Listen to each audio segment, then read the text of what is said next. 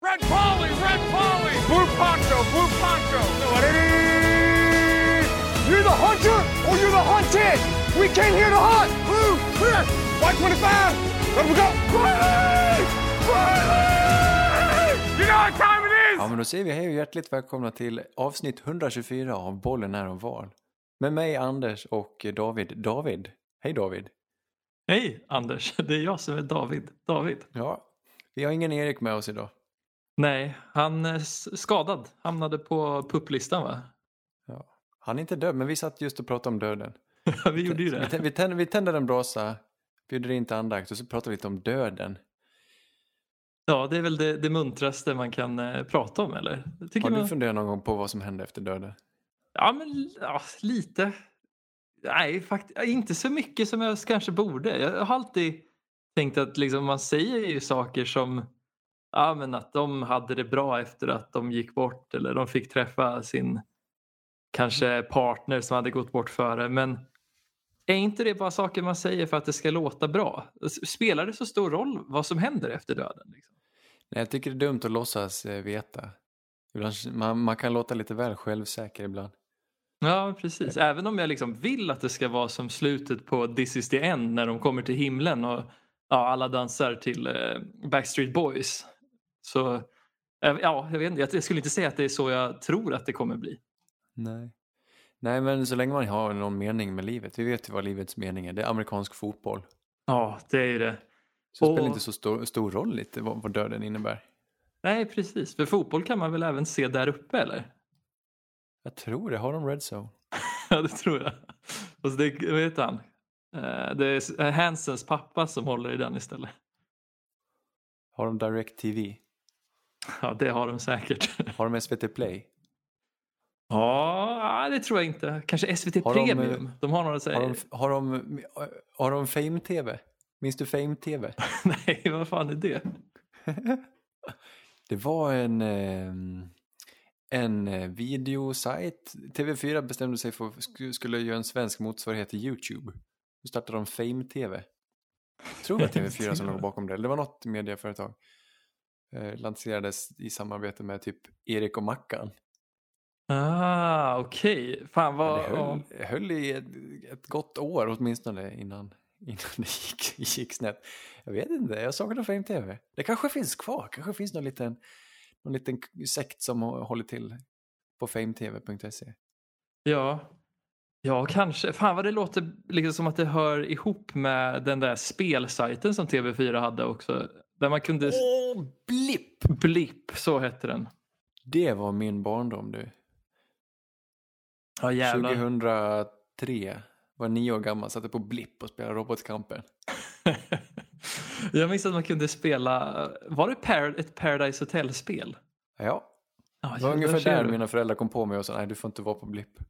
Ja, jag var en sån där riktig incel som istället satt på Newgrounds och kollade på så här animerade stick figure-filmer när, som typ slogs eller dödade varandra. Det, det var coolt. De fanns, de fanns på, fanns på apelsin också. Sant. och ansiktsburk. det, är- det, det är det vi kommer ha sen, du vet, min, istället för Minnenas Television med typ Arne Weise som presentatör, vi kommer ha Erik och Mackan som eh, om 30 år sitter i stora skägg och, och pratar om apelsin.nu i SVT2. I SVT2 också. Fan alltså. Det känns som att om det är någon kanal som överlever kärnvapenkrig så är det SVT2. Jag gillar SVT2. Ja, Jag sval till SVT2. Men jag, jag kanske ska ge det en chans. Du, vad hände i helgen? Vilken, vilken, vilken helg, vilken söndag. Sjukt Drömvecka. underhållande matcher. Ja, verkligen. Alltså, fan, jag tycker ju att det här var ju den veckan som verkligen fick det att kännas som att nu är vi i säsongen igen. Ja, Och det, fanns, det var inte en dålig match. nej, precis. I och för sig, jag satt, jag satt fast vid den sämsta. Jag satt och kollade på Bears, Beng, vad var det? Bears, Bears mot Browns. Browns. gjorde de ja. ja. Och veckan dessförinnan satt jag och kollade på Bears Bengals och började, jag började tappa suget på Bears en aning. ja, Matt Nagy har väl grävt en allt djupare grop i hur han strukturerar sina matchplaner, eller vad, vad säger du? Ja, men jag har en Bears keps så därför tycker jag om att kolla på Bears matcher. Men det finns inte mycket fint att ta med. Förutom Khalil Mack och Akim Hicks, de två är det inget fel på. Ja, de spelar sant. fortfarande sitt livs fotboll. Det är kul. Men det är typ det enda de har. Fan, apropå DirecTV så vet jag att Akeem Hicks innan han hamnade i NFL, han sålde ju sådana här paket till kabel-tv. Så han har ju säkert kränkt lite DirecTV. Men fan, om vi ska liksom knyta ihop den här säcken av veckan så tänker jag ändå att mycket går i temat av lärdomar. Precis som att vi lärde oss att Matt Nagy inte kan anpassa sin matchplan efter en ung mobil quarterback i Browns mot Bears så såg vi att Chargers och Brendan Staley hade lärt sig att man ger inte Patrick Mahomes en chans eh, sent i fjärde kvarten.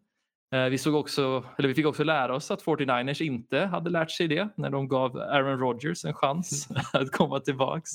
Vi har också lärt oss att Derek Carr är en väldigt, väldigt duktig QB i år. Lite av en överraskning och väldigt roligt.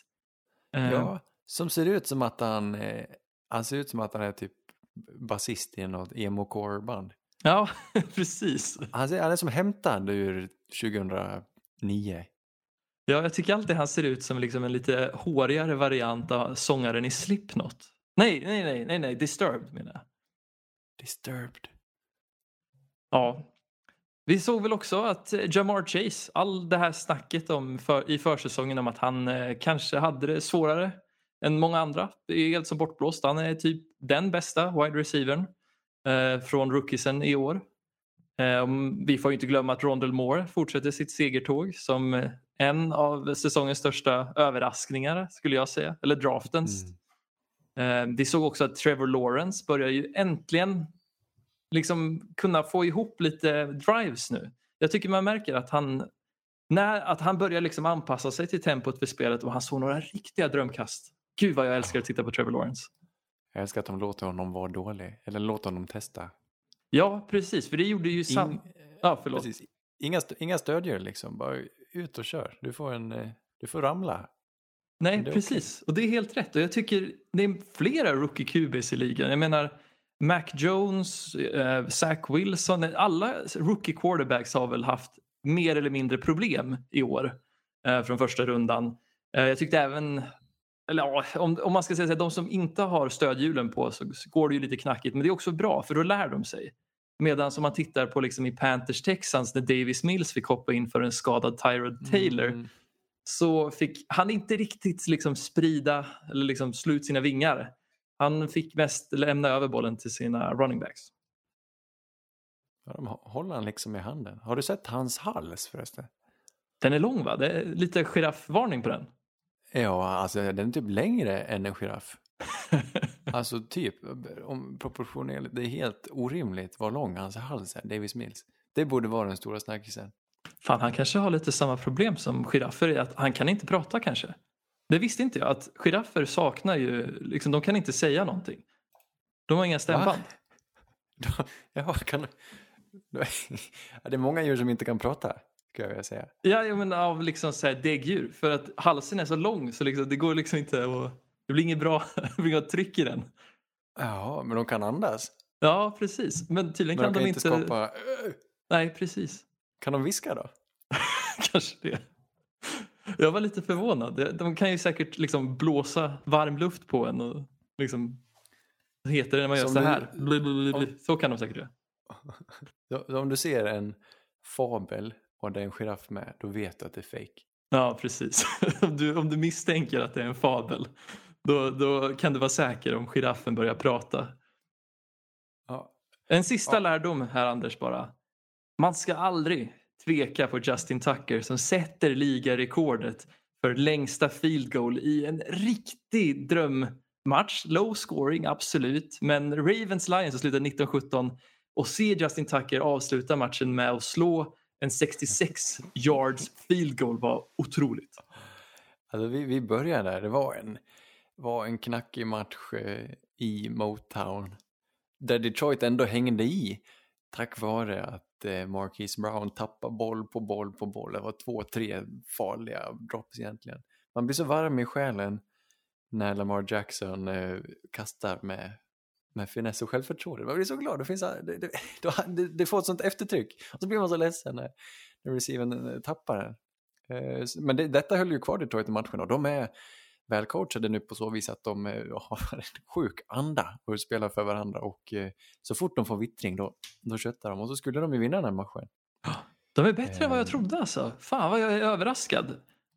Ja, nej, det är kul. Alltså, de är ju de är inte sämst i divisionen åtminstone. Det, de är, ja, det är eld i, i vad, vad heter han nu, nya, nya tränaren? Dan Campbell. Dan Campbell, ja. Det är mycket eld och han är, han är knuttig också. Ja, precis. Jag minns när, ja, en sån scen från den här field goalet och där man ser Dan Campbell stå där vid sidlinjen med händerna på knäna. Ja, han är En bastant, riktig farsa. Verkligen. Vår farsa. Men det avslutas alltså med, det, det kommer inte gå att toppa det här året. Det var ju, det jag lovar dig, det här årets händelse. Det, Ravens har ingen tid kvar. Eller de, de gör misstag på misstag på misstag och så måste de konvertera en fourth and 19 eller någonting och sätter den. Ja, helt Och sen eh, otroligt. därefter så ham- hamnar de på något sätt så att de kan sparka det här field goalet då från 66 yards eh, efter misstag på misstag. Och Detroit har dem verkligen i en ask, men ger dem ändå det där lilla, lilla strået som Detroit alltid ger motståndaren. Och det märkliga är att det alltid går motståndarens väg. För Detroit eh, har ju en historia av att släppa till på de mest absurda sätten. Och så får Justin Tucker bränna iväg den där och så tar den i ribban och in och han slår rekordet. Det är helt sjukt. Gud vad länge Matt Praters rekord från, var det 2012 eller 2013 är det fan. 2013 i Denver. I Denver, precis. Så jag menar det, det är så sjuka liksom, förutsättningar för det är, ganska, det är mycket enklare att, att sparka i Denver. I och för sig är det här i en dome så det är ingen vind eller något att ja. oro, orolig för. Liksom. Men ändå. Men och så, om någon ska göra det så är det ju Justin Tucker som är ju faktiskt den mest pricksäkra kickaren någonsin. Och som sannolikt kommer leta sig in i Hall of Fame ändå. Han är ju en av våra största spelare men sen spelar han i special teams och därför så får han inte samma status. Men han är så över, det är så kul att det finns en överlägsen kicker. Ja, det är en match vi sent glömmer, men det är en match Detroit gärna glömmer snabbt. Verkligen. Vad mer har vi som har hänt då? Eh, varför inte hoppa varför inte hoppa över till kanske Houston Carolina då som slutar med att Carolina vinner 24-9. Eh, jag tyckte det var en ganska spännande match ändå för det var ganska jämnt ett långt tag. Eh, jag hade ju, det var, ja, jag tyckte ändå att Houston spelade bättre än vad jag förväntade mig. Davis Mills verkar ändå kunna vara en ganska duktig quarterback. Han fick en väldigt begränsad matchplan. Det såg lite ut som när Tua Tagovailoa fick hoppa in som quarterback för Miami förra året. Eh, det var väldigt begränsat och han fick egentligen bara kasta till Brandon Cooks. Men jävlar vilka bollar och vilka fångster av Brandon Cooks. Han verkligen lyste den här matchen och jag tror Houston har hittat ett riktigt, eh, ett riktigt fynd där. Jag förstår inte hur han på något vis kan ha glömts bort när han är så duktig. Ja, precis. Vi glömmer bort honom för att han är i Houston, men han har ju varit, han varit där ett par, tre år nu. Ja, men precis. Och han användes fel förra året, ska sägas. Och att han nu får en större roll i år, trots att Texans ska vara så mycket sämre, så tycker jag ändå man ser att han är så pass duktig. Ja, ja men det, det märks, det här är ju ett, ett hopplock och Texans kommer ha svårt fortsatt att vinna matcher. Eh, men eh, roligt, vad, vad, är Carolina på, på riktigt nu? De har vunnit tre raka. Kanske. Jag, jag, jag, är, jag är lite osäker, men jag måste säga att jag tycker Precis eh, som, ja, jag sa inte riktigt det förra matchen, men det jag tycker om med Detroit Lions är att det känns som att de har en identitet nu. Mm. Och jag älskar när lag på något vis kan samlas runt en identitet som de är. Och jag tycker ändå Panthers har lyckats pricka in det. Jag tycker Matt Rule och, och Sam Darnold och han offensiva koordinatorn Brady har lyckats paketera det här laget på ett så spännande sätt. De, de siktar på att vara lite större och lite mer aggressiva än de andra. Ehm, genom att drafta till exempel Tommy Tremble och Terrace Marshall på anfallet. Och sen att deras försvar har steppat upp så mycket som de har gjort. Eh, det är så mycket unga, duktiga spelare som bara blir bättre och bättre för varje match där. Exakt. Det är så ungt och så kul när det funkar. Det här är ett lag de har draftat själva. Det är inte, inte många free agents då med Sam Darnold som är uppenbart undantag. Utan det, här, det, det har ändå varit på gång ett tag men vi, vi har efterfrågat den här identiteten. Och i år så lyser det, åtminstone hittills, och att det är försvaret som lyckas vara så pass dominant. Jag tror det är en av de starkaste öppningarna av ett försvar någonsin, förstod jag det som. De släpper inte till någonting, de har mött väldigt dåligt motstånd, eh, bland annat. Eh, men, men ändå liksom. Ja, verkligen. Och kul att du nämner Tommy Tremble då. Rookie tight end från Notre Dame. Eh, som vi, vi, vi, vi gillade här inför och eh, nu har de ju nu har de gjort sig av med Dan Arnold. Tyvärr fick vi inte se så mycket av Sam Darnold till Dan Arnold. Hur kul det än var för nu tradar de bort honom till eh, Jacksonville. Precis. Och tar, plockar in CJ Henderson. Det här är märkligt. Ja, det är CJ lite... Hendersons förra årets rookie från University of Florida spelade en bra, fruktansvärt bra öppningsmatch. Han var på allas läppar vecka 1 2020 och sen dess så har det gått lite sådär. Han har haft det krångligt och verkar, det är någonting med honom va? Ja, han har haft en väldans massa problem och det är lite frågetecken om det här är någonting som beror på något utanför plan. Jag vet inte riktigt vad det skulle kunna vara. Mer än att det måste nästan vara liksom någonting på hem, hemmaplan för han. Liksom. Han är ung och brydd. Ja, precis. Det är inte Han riktigt också. Isaiah Wilson-nivå liksom, men man ska nog ändå vara lite orolig. Jag tror kanske en, ett byte av, av miljö kanske är bra för CJ Henderson. Speciellt när han ändå har varit i Florida nästan hela sitt liv om inte jag minns fel. Ja. Ja, billigt var det. Den Arnold och ett eh, lite senare plock. Nej, ett tredje runda plock ändå. Eh, för att CJ Henderson kom in och, på något vis kanske ersätta då eh, JC Horn som har tappat, som kommer tappa två, tre månader på grund av en skada. Fotskadan ska opereras. Eh, men Precis. Carolina bygger och bygger och bygger ungt och bygger underifrån och det här blir en bra stomme till slut tror jag. Jag Absolut. tror inte det, det går inte hela vägen i år men de, vad kul att det är på gång och att det är positiv anda där. Mm.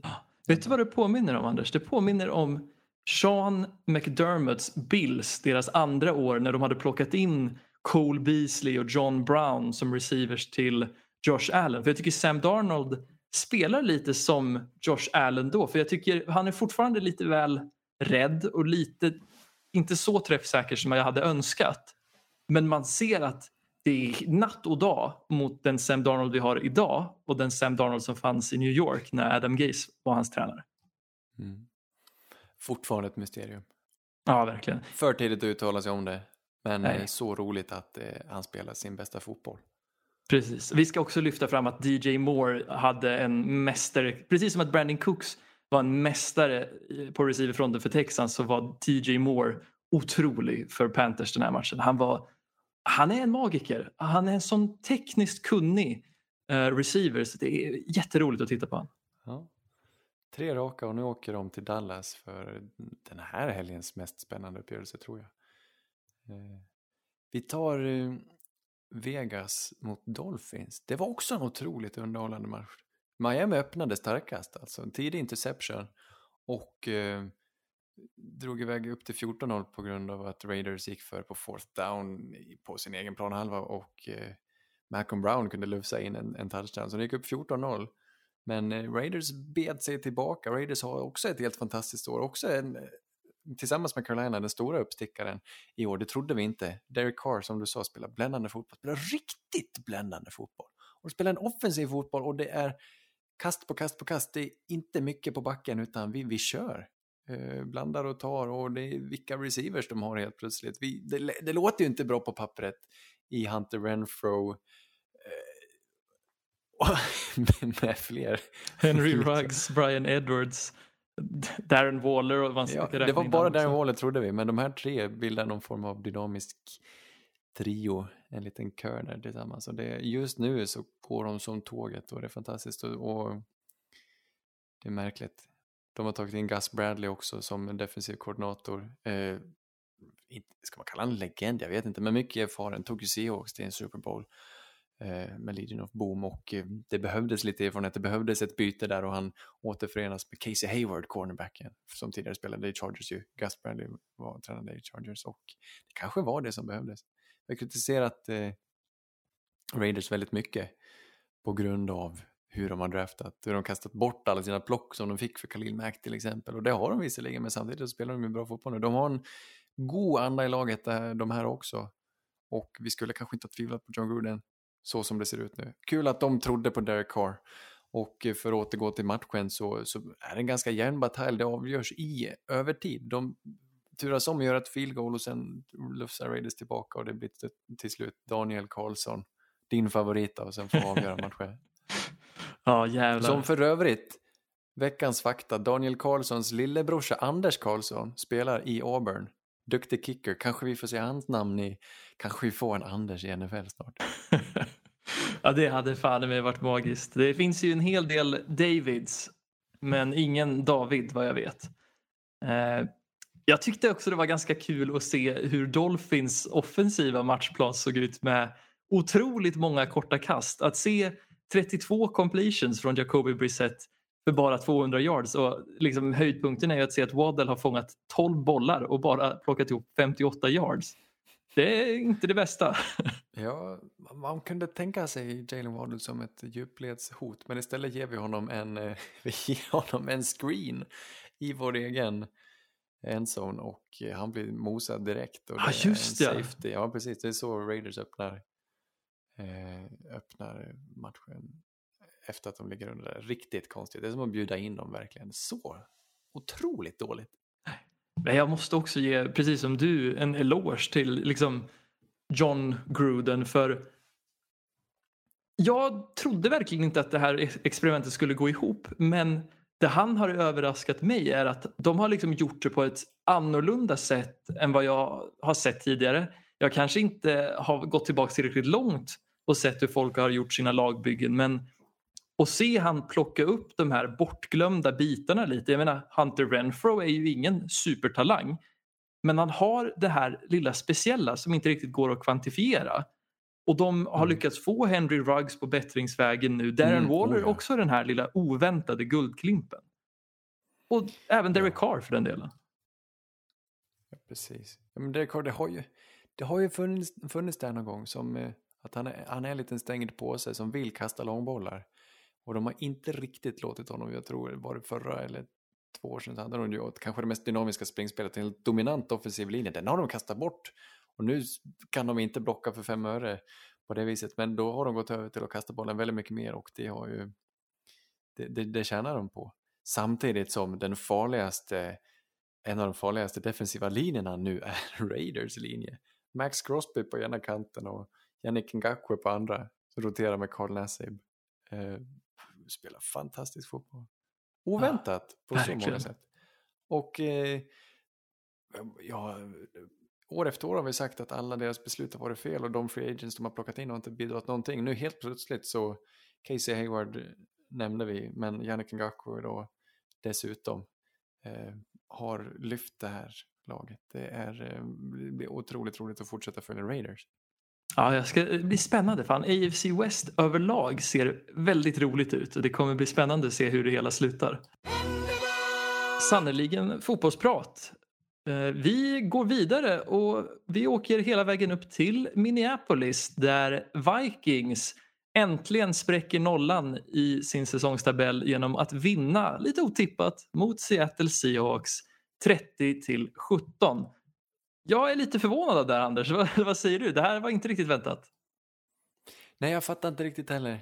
Minnesota har väl haft otur eh, i, sina tidigare matcher. De är bättre än vi tror. Kirk Cousins, Plexi Kirk, spelar sitt livs fotboll. Och eh, Seattle är lite av en besvikelse, men de reser sig igen som Torsten Flink.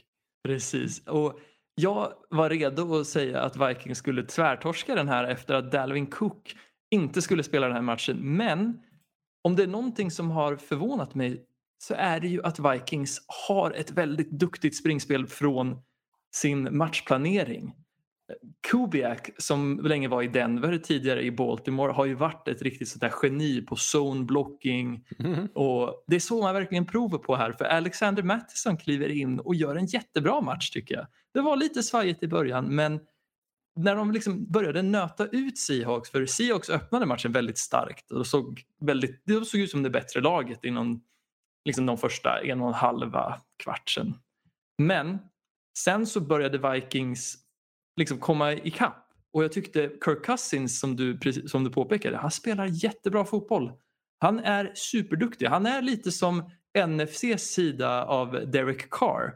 För han på något vis så liksom kan han ändå få ut bollen och ta så pass bra beslut. Och om det är någon spelare som jag liksom vill lyfta fram så är det Justin Jefferson för han är verkligen det jag trodde att jag skulle få se när vi för många år sedan pratade om Nikhil Harry när han kom ut från Arizona State. Mm. Den här possession receivern som är ganska tuff. Han kan fånga contested catches och sen ändå försöka ge en smäll till cornerbacken. Och det ser man alltså varje match med Justin Jefferson. Jag tycker han är så spännande wide receiver. Mm. Och då springer han ändå de briljantaste rutterna samtidigt. Ja, det är helt sjukt. Men sen får man inte glömma liksom andra sidan. DK Metcalf är ju också en spelare som jag hade otroligt fel på. Jag trodde inte han skulle vara så pass bra, men han... Det går från klarhet till klarhet. Eh, varje match tycker jag. Han är den här stora receivern som man måste matchplanera för. Och om Seahawks hade haft ett lite mer koherent matchplan så hade det nog hade vi nog sett mer av DK Metcalf för det känns som han försvinner lite liksom från kvart till kvart. Men hur kan resultatet vara som, som det blir? 30-17, hur kan de dra iväg på det här viset? Går luften ur Seattle eller varför är, är, de, inte, varför är de inte mer konkurrenskraftiga? Precis. Grejen är att jag tyckte det såg bra ut på både liksom passsidan och springsidan men där problemet skedde var liksom att Seahawks kan inte riktigt avsluta drives. All, nästan alla Vikings drives slutade i poäng medan Seahawks ja. såg bra ut och kunde röra sig till ungefär mitten på plan men sedan där tog det stopp. Och det, jag vet inte om det var för att man försökte för mycket med det ena eller det andra. Men jag har länge tyckt att Seahawks har känts lite identitetslösa när de inte riktigt har kunnat luta de sig på en... en plan B. Nej, precis. Kan det vara det? De har sin eh, plan A, plan A och den vet ju Mike Zimmer om. Och då tar han tag i den och eh, schemar upp, schemalägger kring den. Eh, och han tvingar alltid dig att gå till din reservplan och du kanske Seattle inte är så bra på helt enkelt. Nej, precis. De har ju ändå liksom så här homerun-spelare så de borde ju kunna spela lite som Tennessee som inte ställer om liksom och kör sin grej. Men på något vis så känns det som att de kanske ibland blir, att de tvekar. De väljer att luta mer på springspelet och använda Chris Carson men sen överger de det helt, en, hel, en annan drive för att bara fokusera på passspelet. Det känns som att de på något vis turas om om vad de vill göra. Men du ska inte hänga läpp för att du hade fel om Nakil Harry. Jag, helt, jag vet att jag sa då inför den draften att, att Hakim Butler var ännu bättre än Nakil Harry. Just det. Hakim Butler från Iowa State eh, just nu på Eagles practice squad här googlar jag mig till. Men han, han, kanske, är han är kanske bättre, han har bara aldrig fått chansen. Ja, ja vi säger det. Draftades av Arizona nu. Ja jäklar. Vad har vi för sista match på din sida Anders? Ja men eh, söndag, söndag kväll San Francisco mot Green Bay. Oj, vilket, vilket avslut ändå. Alltså det... Packers öppnar bäst, går in och pumpar. Fortniners hämtar igen det på något vis och eh, ska kunna stänga matchen. Och så får vi återigen se Aaron Rodgers avsluta med det. De ger honom 37 sekunder utan timeouts. Han behöver ett field goal. Det löser vi. Ja, Inga problem. Helt sjukt. Att han kan liksom... dunkar in den från 52 yards. Att han kan se så pass liksom slarvig ut större delen av matchen men när det är 30 ja. sekunder så då skärper han sig. Det är lite Chiefs-aktigt nästan. Det, det, var lite slarvigt. Det var, mycket, det var ändå mycket hjärta från, från båda lagen. Och Fort Niners som hämtade igen trots Garoppolo som höll på att skälpa till det rejält. Han, han svarade för årets blunder när han försöker i panik, han håller på att ta en sack och då ska han kasta ner den i backen men lyckas kasta den bakåt. Så det blir en fumble. Åh nej. Som Packers plockar upp. Det är liksom, det är totalförbjudet och det gör du som är betald så här mycket. Nej, det är riktigt märkligt, han har inte huvudet där bland de andra. Nej, det får verkligen inte hända. Är de lite avis tror du på Rams som plockar Matthew Stafford? Vi ska prata om Rams eh, som sista match här men skulle inte Fort Niners ha satsat på samma sak? Istället så tradar de upp och plockar sin QB för framtiden. Men de har ju ett starkt lag, ett starkt anfall som också behöver en uppgradering från Jimmy Garoppolo. De satsar långsiktigt medan Rams eh, pungar ut för Matt Stafford. Vad ska det... Mm. det är lätt att vara efterklok, men jag menar... Tror du de är lite nyfikna på en, eh, på en Aaron Rodgers kanske nästa år? Det tror jag definitivt. Jag tror det inte var en Alltså det var inte en slump att det var Niners som det kom mycket rykten från under hela liksom Rodgers-hetsen under draften. Och tydligen så hade det ju varit lite, lite småbråk mellan kompisarna Kyle Shanahan och eh, är det Mike, Matt, nu när vi har flera Lefleurare. I... Matt Lefleur. Matt Lefleur. Att de inte kanske är de bästa vänner längre efter att eh, Kyle Shanahan försökte sno Rodgers under offseason. ja men Aaron är ju från Kalifornien och Fortnite hade första plocket i draften 2005 och valde Alex Smith och då var han butter du. Ja det kan jag tänka mig. Kan jag ändå tänka mig att han avslutar sin karriär där om han får tillfälle. Han har nog inte haft något emot det. Nej precis. Sen vill jag väl ändå ge Trey Lance en, chan en chans. Jag vill se han ja, gud, utvecklas. Men jag tror att Garoppolo-experimentet Även om det har gett oss många fina minnen så är det på väg mot ett slut. jag vet inte om det var ett experiment heller men han, har, han, jag menar, vi vet vad han, vad han tillför och vi vet vad han har för begränsningar och han blir inte bättre än så här. Det är lite spännande, de skikten utkristalliserar sig lite. Vi har ju de här elit QBsarna fortfarande i Aaron Rodgers och Russell Wilson till exempel, Pat Mahomes och sen det lilla, lilla skiktet under eh, vad man ska kalla skiktet. Grädden överst kommer mjölken och just nu är mjölken, det är Derek Carr och Kirk Cousins kanske, som absolut kan ta sitt lag långt. Eh, och som i år kanske toppar, som kanske inte kommer spela så här bra senare i sina karriärer. Och så finns det resten som egentligen man önskar man hade någon annan. Jimmy, han funkar. I bästa, bästa fall så tar han det till en Super Bowl. Jared Goff, Jimmy Garoppolo, men eh, du, det ska mycket till om du vinner. Precis, det är lite som Kastar att man... förbi Emmanuel Sanders. Han kastar så förbi honom. Just det. Oh, påminn mig inte av dem. Den, oh, det spelet var så dåligt. Aj, aj. Men fan, vi måste väl ändå prata lite Devante Adams. 18 targets, 12 receptions. Det var mer än hela Packers, eh, ja, de andra receiverserna i Packers kombinerat. Ja, men att de inte går att stoppa. Att de är en sån robot. Aaron Rodgers till Devante Adams. Nej, det, det är, ibland så har man de här ostoppbara banden mellan två spelare. Och jag menar, det, det Fortnite ska göra är ju lägga allting på att begränsa honom. Eh, så, som om de vore Bill Belichicks Patriots. De skulle, de skulle bara blocka honom från line of scrimmage och sätta två stycken, det är som en punt return eller någonting. Men det, vad, vad, man än gör, eller om de gör för lite så lyckas han ta sig loss. För han och Aaron Rodgers känner varandra så bra och Rodgers vet exakt vilket håll han ska gå åt och det går alltid att hitta honom. Eh, och när två så pass fenomenala spelare eh, spelar sin bästa fotboll då, då blir det så här. Det blir sånt godis alltså. Och jag tror fan att det kan vara så illa att om jag får gissa, liksom, nu, nu vet ju inte jag helt säkert men jag säger det som att jag vet säkert men jag är inte riktigt säker på hur bra, mycket säker här, jag är inte jag tror inte att 49ers har ett speciellt bra secondary. Jag tror att det kommer bli mer Nej, och mer klart under säsongen. Ja men precis. Jag tror de blir räddade lite av att de ändå har en så pass kapabel defensiv linje och front seven. Oh, ja. Men om, om man får iväg bollen så, och det finns en superstjärna som oftast vinner sina liksom, dueller då blir det nog lite som den här matchen där vi ser att Devante Adams är snäppet bättre. Mm. Men matchens bästa spelare, hur bra vi än tycker om Aaron Rodgers, hur bra vi än tycker om Devante Adams, Trent Williams. Ah, han är så Offensive duktig. tackle eh, i 49ers. Tveklöst NFLs bästa eh, offensiva tackle just nu. Alltså han är helt underbar. Vi satt ju och, satt och tittade på honom eh, timvis innan säsongen började. Det var inte timvis. Men eh, det, det, går att njuta av den här mannen och jag vet inte vad, han borde hyllas ännu mer. Jag tycker det, det finns ingen som konkurrerar med honom just nu han är ostoppbar, han är så fysisk och eh, gör allting rätt och det, det här luktar, börjar verkligen lukta Hall of Fame. Verkligen. Jag minns när jag började titta på fotboll så var det han och det var Tyron Smith som var, liksom, ja i och för sig Joe Thomas på den tiden också som var gold standard för left tackles. Och se att han har kunnat bibehålla det här så pass länge. Jag menar Tyron Smith har ju haft sina skadeproblem men det har ju Trent Williams också gjort. Men ändå så Trent håller i det och ser så pass duktig ut. Fan, du, du har helt rätt. Det här kan bli Hall of Fame. Ja, det, det ska bli det. Men han har ja, några år till. 33 år gammal har han blivit. Men vi kör på. På tal om eh, Hall of Fame, ska vi prata lite Tom Brady?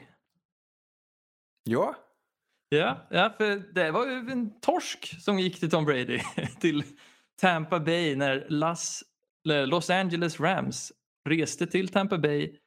Nej, tvärtom. Det var ju Tampa Bay som reste till Los Angeles och fick stryk av Rams. 34-24 till Rams. Och otippat, jag tror alla som såg hur Tampa Bay gjorde, liksom rusade genom slutspelet förra året har liksom skrivit in dem som ett lag som potentiellt kan gå obesegrade men de får en riktig smäll på näsan här när Rams kommer in och egentligen är ostoppbara. Jag tror de gjorde poäng på nästan varenda drive mot det här Tampa Bay-försvaret som är så respekterat. Ja. ja, det är respekterat och jag kan inte förklara vad det är. Det, det, det, finns ju någon sån här oskriven regel om att ett försvar, hur bra det än är, så kommer det vara sämre nästa år. Det går inte att hålla i ett eh, försvar på absoluta toppen år efter år efter år. Det händer väldigt sällan. Jag, jag kan inte förklara varför egentligen. Det är väl o... ungdomen och oerfarenheten i Tampa Bays försvar. Devin White som inte... Han går inte att lita på i coverage Eh, i alla fall. Han, han må vara atletisk och han är, gör mycket highlights-spel. Men han, är, han går verkligen inte att lita på coverage. Likadant Patrick Queen i Ravens. Det är så unga linebackers som är bra på fel sak och det är lite tråkigt. Eh, men och de andra, de, de som spelade ihop sig så bra under Todd Bowles förra året kan helt plötsligt eh, släppa till alldeles för mycket och det är oroväckande. Verkligen. Jag tror man ska ge en ganska stor eloge till Rams här. Eh, jag trodde det skulle gå mycket sämre för dem i och med att de inte hade Darrell Henderson och deras springspel var horribelt, vilket också Buccaneers var. Det kommer vi komma till. Men att se att Sean McVay på något vis ändå kan låsa upp så mycket av sitt lag när han nu har en kapabel quarterback. Jag tror inte vi hade kunnat se Deshaun Jackson ha så pass stor roll den här matchen om det hade varit Goff bakom ratten. Men att sen använda den här kemin som Matthew Stafford har med Cooper Cup för att låsa upp Deshaun Jackson och träffa på de här långbollarna. Jag tror det var det som var nyckeln som på något vis bröt upp det här Buccaneers-försvaret. Ja, det är, det är kul att det går bra för Rams. Det här är alltså tunga, free agent-tunga laget. De har, bara, de har inte odlat själva, de har bara köpt in spelare. Uh, för det, det är deras strategi. De bara satsar miljoner dollar och vi ska vinna nu och i år skulle det faktiskt nästan kunna funka. Just nu ser de bäst ut. Det kan vara uh, NFLs bästa lag uh, för tillfället i sina gräddvita, eller benvita uniformer som de har. Jag gillar dem. Ja, jag med. Jag tycker om färgerna. Jag, jag, tycker de får för mycket hat alltså. De valde en unik ton av vitt och det, det, tycker jag om. Det är vågat. Man ska inte gå på basic-färgerna eller basic-nyanserna. Ja, tro på dig själv i alla lägen. Precis. Och tro på dig själv när du signar Matthew Stafford för det kan funka och uppenbar, uppenbarligen funkar det. Jag är så glad för hans skull. Verkligen. Sen det är så... ingen som tycker illa om Matt Stafford.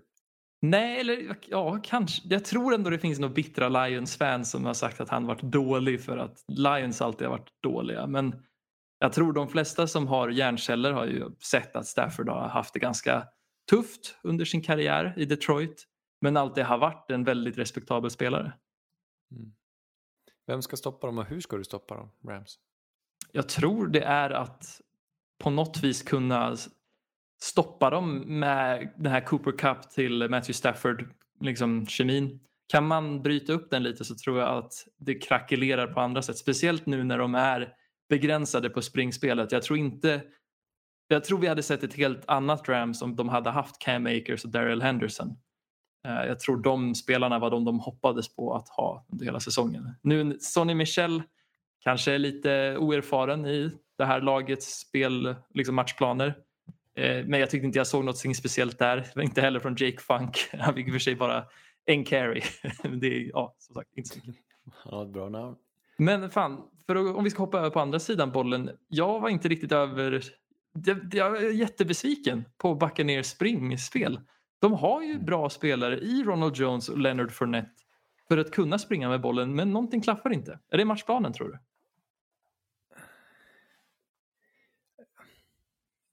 jag, Det, det jäckar mig också.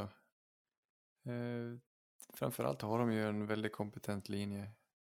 Precis, de har Rob Gronkowski som är superduktig på det här med att blockera för spring, spring eh, för running backs. Ja. Nej, det kanske bara är att de möter Aaron Donald. Eller att, Säkert. eh, eller att de lever på någon form av eh, ångor från förra årets framgångar. Och bara, det, det, det är väl riskabelt när du vinner en Super Bowl. Att du kanske inte lägger i samma... Du, du tappar känslan för detaljer någonstans. Och har lite för mycket självförtroende för, för, att, för att fortsätta tugga och for, fortsätta fokusera på varenda detalj. Och då det räcker för att det ska eh, ta- tappa den här lilla, lilla, lilla, lilla extra. Ja, säkerligen. Jag tror ändå att Tampa Bay kan ro ihop det här i tid till slutspelet. Eller vad säger du? Är, du? är du orolig för Tampa Bay efter den här förlusten? Nej, inte det minsta.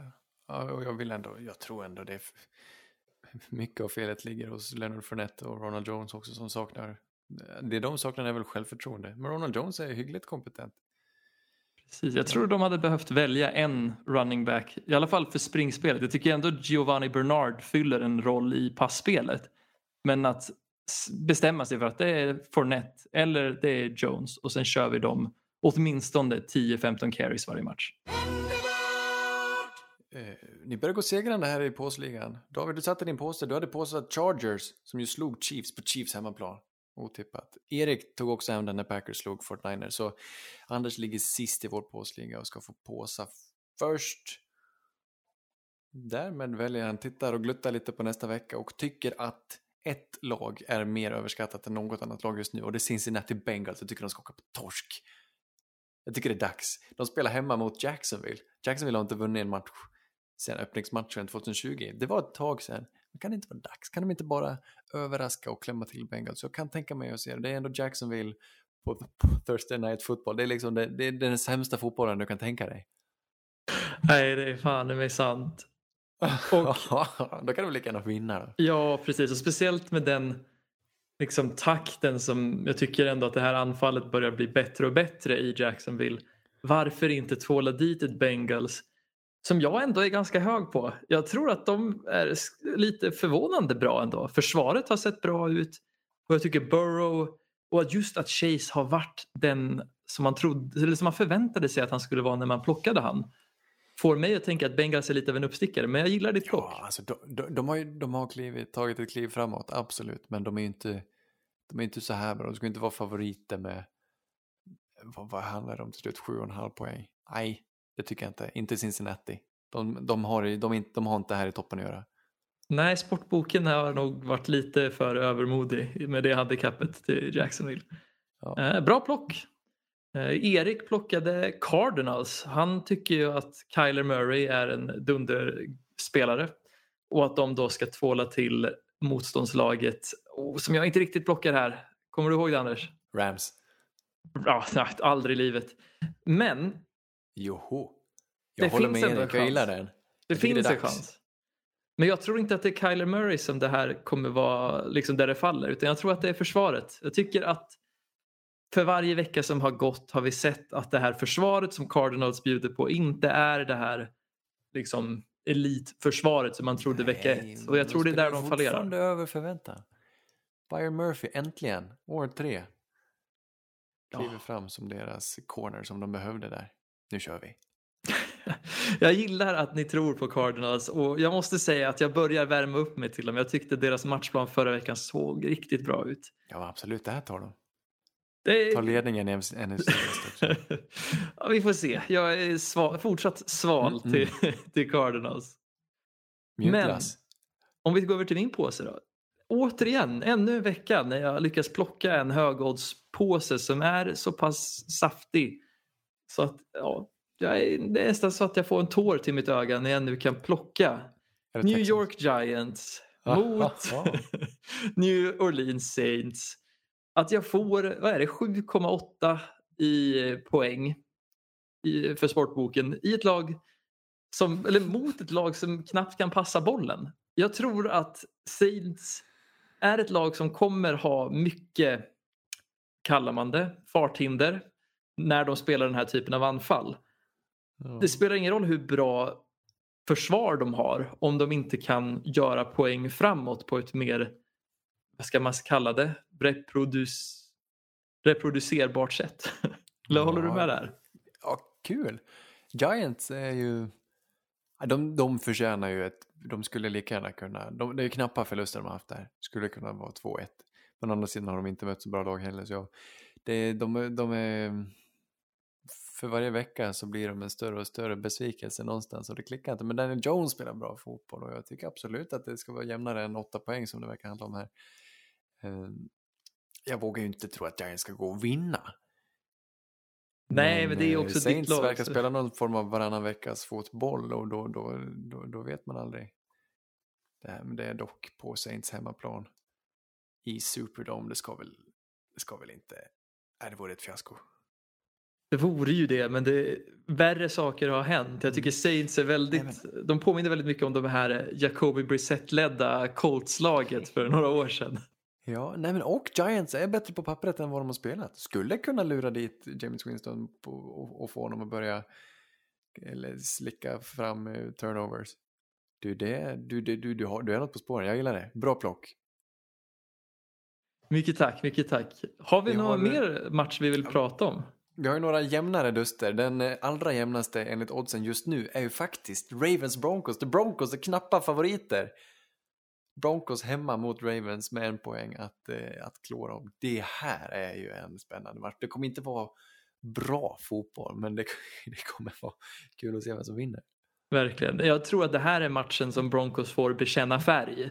Mm. Och Det kommer vara speciellt. Men det här är en defensiv match. ja, jag tror den kommer vara jämn. Jag tror den kommer vara riktigt, riktigt jämn. Och frågan är vilken matchplan Ravens kommer rulla ut för att slå Broncos. För jag tycker deras försvar i Denver har sett riktigt bra ut. Och jag undrar hur, hur de kommer hålla upp mot ett lite annorlunda anfall i Baltimore Ravens. Det kommer bli spännande. Jag tror Broncos tar det här. Jag, jag, kan, alltså jag kan se den här Det förlusten här är komma. beviset. alltså. Det är det här du behöver för att eh, förälska dig i Teddy på riktigt.